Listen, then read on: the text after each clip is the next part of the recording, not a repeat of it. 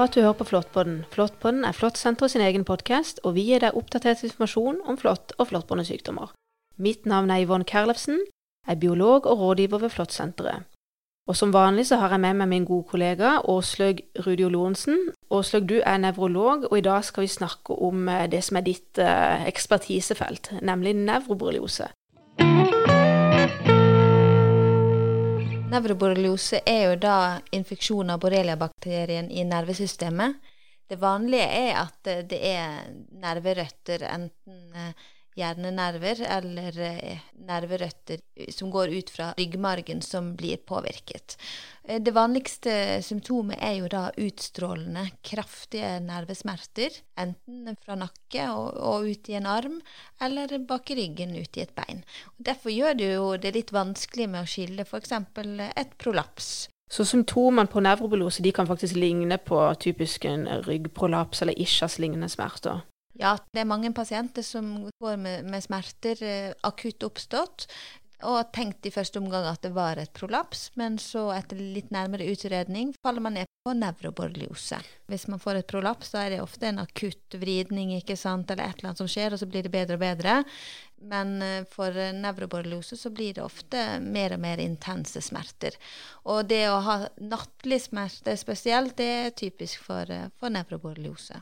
For noen kan jo i tillegg til de her nervesmertene du nevnte, da, vel også få følelsesendringer i huden, eller delvise lammelser, eller problemer med kraft og koordinasjon. Er ikke dette også Jo, det stemmer. Altså, noen ganger så kan jo på, den påvirkningen av disse nervene eh, være så kraftig at det også i tillegg til å gi smerter, også kan gi påvirkning i, i føl, følelsen. Eh, og også noen kan få rett og slett lammelser. Det vanligste er jo en ansiktslammelse. Det er spesielt spesielt vanlig hos barn, men det er også relativt hyppig hos uh, voksne. Men uh, kan også få påvirkning av uh, hjernehinnene. Da får man jo ofte nakkestivhet, hodepine, lysskyhet. Det kan man også av og til se ved, ved nevroborreliose. Men da må jeg bare spørre, og dette er sikkert vanskelig å svare på, men hvis en person plutselig ser seg selv i speilet, og så ser de at halve ansiktet er, er rett og slett lamma, de fleste vil jo tenke 'oi, har jeg fått slag'? Kan man se forskjell på et slag og eh, ansiktslammelse pga. nevrobolose? Ja, til en viss grad kan vi det, men jeg vil bare understreke det at kommer det en akutt ansiktslammelse på, så skal du tenke slag som første pri og ringe 113. Ja.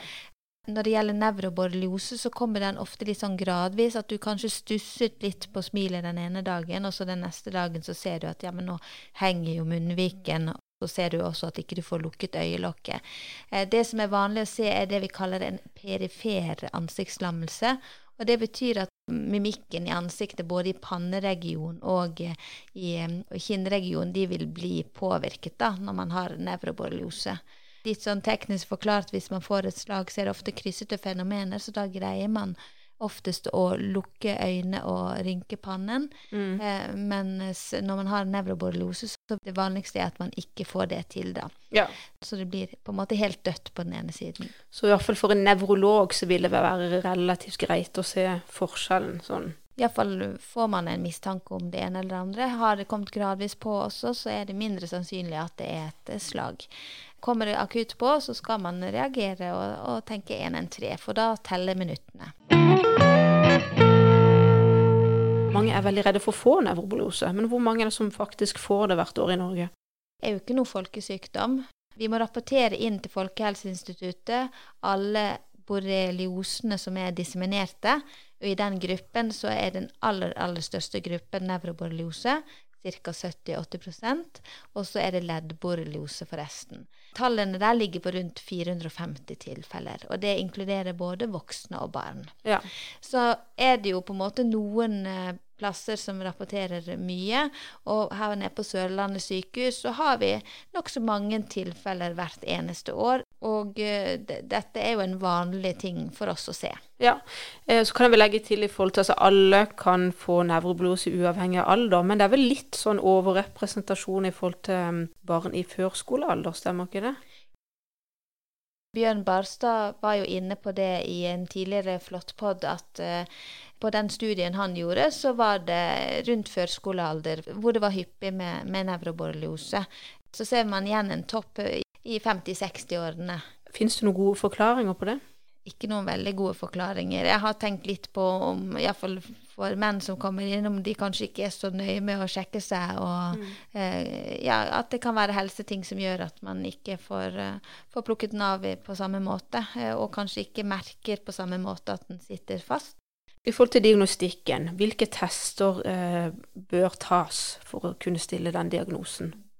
Spinalpunksjon er en test som må gjennomføres for å få en sikker nevroborreliose-diagnose. Det er jo mange som har hørt litt eh, skrekkhistorier om spinalpunksjon. Det er jo at man stikker en tynn nål inn eh, helt nederst i korsryggen, og så tar man ut litt eh, væske derfra. Den væsken den sirkulerer rundt hele hjernen og helt ned i ryggmargen og helt ned da, nederst i korsryggen. Og på det viset så kan man faktisk eh, se om det er noen betennelsesceller i nervesystemet. Ja. Eh, ser dere, ser, du, du snakker om betennelsesceller. Ser dere også etter antistoffer? Ja. Det er tre kriterier for å stille en sikker nevroborreliose. Det ene er jo at du skal ha en en typisk klinikk som passer med nevroborreliose. Og så er det disse tilleggskriteriene at du må spinalpunktere, og det må være tegn til betennelse i den spinalvæsken. Altså vi må ha hvite betennelsesceller i den væsken som tegn på en infeksjon eller en betennelse. Og så i tillegg så er det jo disse borreliaspesifikke borrelia-spesifikke antistoffene. Og når det gjelder nevroborreliose og en sikker nevroborreliose, så vil det være høyere antistoffproduksjon inni nervesystemet enn det vil være i blodbanen. Og da kaller vi det en positiv ratio, og det er en av eh, kriteriene for en sikker nevroborreliose. Ok, så det her, det her, er ganske teknisk og vanskelig, men hvorfor må det være en positiv ratio? Har du vært borti borreliabakterien en eller annen gang og dannet antistoffer mot den, så kan du jo ha det i blodbanen over eh, mange, mange år, kanskje livslangt. Tar du da og stikker i ryggen og tar en spinalvæskeundersøkelse, så vil man ofte kunne gjenfinne disse antistoffene også i spinalvæsken. Når man snakker om en positiv ratio, så er det da mer antistoff eh, produsert i eh, spinalvæsken enn ute i blodet har det bare på en måte krysset over eh, blod-hjernebarrieren, som det kalles, og, på en måte diffundert over, så vil det ikke være noe positiv ratio. Men er ratioen positiv, så betyr det at antistoffproduksjonen for spesifikke antistoffer mot borrelia er høyere i spinalvæsken. Og det er et tegn på at det er en nevroborreliose. Ja. Når det gjelder antistofftesting, som vi har vært inne på i en tidligere episode, så sier jo ikke det noe om du har en aktiv infeksjon nå, eller om du har hatt det tidligere. Så du kan for så vidt ha hatt en positiv ratio som er vedvarende. Det ser vi nokså ofte hvis vi spinalpunkterer på nytt. Men da har du ikke betennelsesceller lenger. Nei. Så de, hvis man har en aktiv borreliainfeksjon i nervesystemet, så vil man også se betennelsesceller. Ja. Ja, den er grei. Hvis man da har stilt diagnosen hos en pasient, eh, så er det vel veldig greit for denne pasienten å vite at det fins behandling. Nevroborreliose kan behandles. Det er vanlig å gi antibiotika selvfølgelig for den bakterieinfeksjonen. Før så var det nok mer vanlig å gi intravenøs behandling, men her, her har det blitt en del eh, endringer i forhold til retningslinjer. Og du har jo også gjort en studie på dette, hvor du så hva som var vanlig behandling ved norske sykehus. Kan du bare fortelle litt om det? Ja, altså mm, Bare først gå helt tilbake igjen til Unn Jøstad sin studie i 2008, hvor de sammenlignet intravenøs behandling med tablettbehandling med doxycyklin. Og da fant man at eh, doxycyklin hadde like god effekt som intravenøs behandling. Og da ble retningslinjene endret eh, i 2010. Så gjorde jeg en studie der jeg sendte ut spørreskjema til pasienter som hadde gjennomgått eh, nevroborreliose fra tidsrommet 2007 til 2013. Og så rapporterte de inn da om de hadde fått tablettbehandling i form av doxycyklin, eller om de hadde fått intravenøs behandling. Og Det som var nokså overraskende, var at bare én av tre hadde fått tablettbehandling, som vi nå anbefaler, To av tre hadde fått intravenøs behandling. Og eh, det er jo lettere å administrere tablettbehandling, for behandlingen er over 14 dager. Og da kunne reise hjem og, og ta tablettene sine hjemme eh, framfor å være på sykehuset i 14 dager. Ja. I den samme studien så spurte vi om antibiotikalengden. For der har man også gjort studier, eh, og man ser at to uker antibiotikakur er, er adekvat for å behandle nevroborreliose. I den spørreundersøkelsen jeg gjorde, som ble publisert nå eh, for ikke mange år siden, så viste det også at uh, bare én av tre uh, brukte uh, to ukers behandling. De aller fleste hadde da lengre en kur enn nødvendig. Og det er jo unødvendig. Ja. Både for pasienten sjøl med tanke på bivirkninger og, og, plager med en antibiotikakur, og kostnadene og sånn det medfører. Ja, så fremdeles er det kanskje en del pasienter i Norge som rett og slett får for mye antibiotika, og da er det jo litt sånn som du nevnte, litt uh, risiko med i forhold til bivirkninger, og det er unødvendig. Men mange er jo faktisk bekymra for om den kuren de har fått, om det er nok, si hvis de får to uker. Så lurer de på er dette nok, vil jeg bli kvitt infeksjonen. Mm. Der har det vært mye debatt, eh, og derfor har vi en pågående studie nå, faktisk, der vi sammenligner to uker som vi mener er adekvat og nok, eh, mot seks uker doxycyclinbehandling. Så dette er jo du snakker om det som heter BORSI-studien, og det er veldig interessant, for det er også som en del av den studien så eh, skal man også se på dette med f.eks. Eh, kognitive plager etter nevroboliose, og det skal også tas, eh, eller det har blitt tatt da, MR-bilder av hjernen til disse pasientene for å se om det er noen endringer. Fordi at det er jo kjent at en del pasienter, nå varierer det veldig fra studiene, men ca. mellom 10-50% av pasienter som har hatt nevrobolose, de rapporterer om det vi kaller for restplager. Og de kan vare altså kanskje noen uker etter behandling, noen ganger månedsvis. En sjelden gang kan de vare lenger enn det. Ja, nå har vi jo fulgt opp eh, disse pasientene i studien. Jeg eh, syns jo veldig mange rapporterer om en klar, klar bedring på um, tiukerskontrollen. Randi Eikeland, som også jobber med Flåttsenteret her på Sørlandet, hun gjorde en studie for noen år siden der hun eh, kognitivt testet eh, pasienter inntil to år etter en nevroborreliose, og fant at de, de sleit litt med konsentrasjon og fatigue.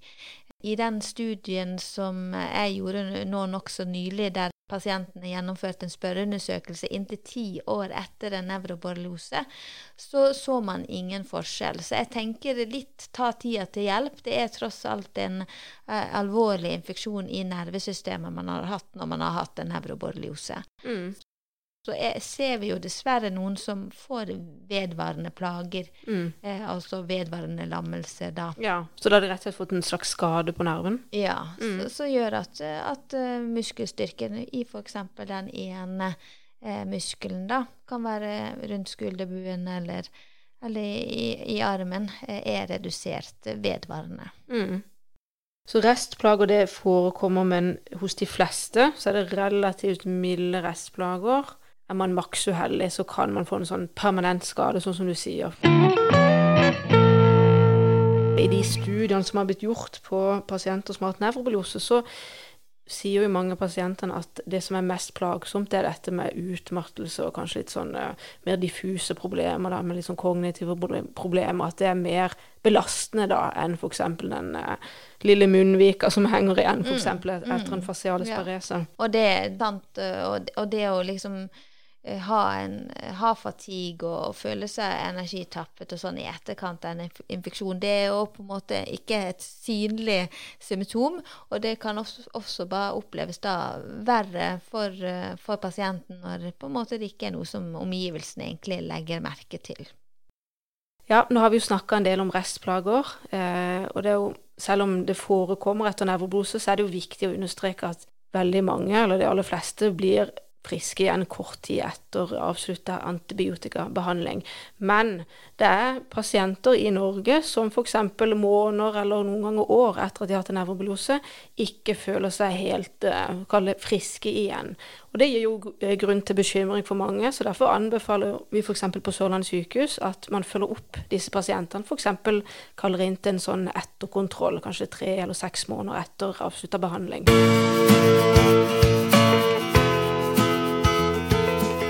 Kanskje du kan bare oppsummere den episoden? Det er veldig mye informasjon her for folk. Først vil jeg si at eh, nevroborreliose er ikke noe folkesykdom. Det rapporteres inn til folkehelsa ca. 450 tilfeller av disseminert borreliose, og størsteparten av de er nevroborreliose. Symptomene kommer gradvis akutt man skal være obs på symptomene i etterkant av et flåttbitt, og det trenger ikke å komme noen symptomer før det har gått uh, flere uker. Behandlingen for nevroborreliose er for de som tåler doxycyklin, 200 mg ganger 1 i 14 dager, og uh, prognosen uh, vil jeg si er god. Ja, og så må jeg bare skyte inn litt her at man har sett også i studio at ganske mange av de pasienter som får nerveblose, de husker ikke at de har hatt et flåttbitt.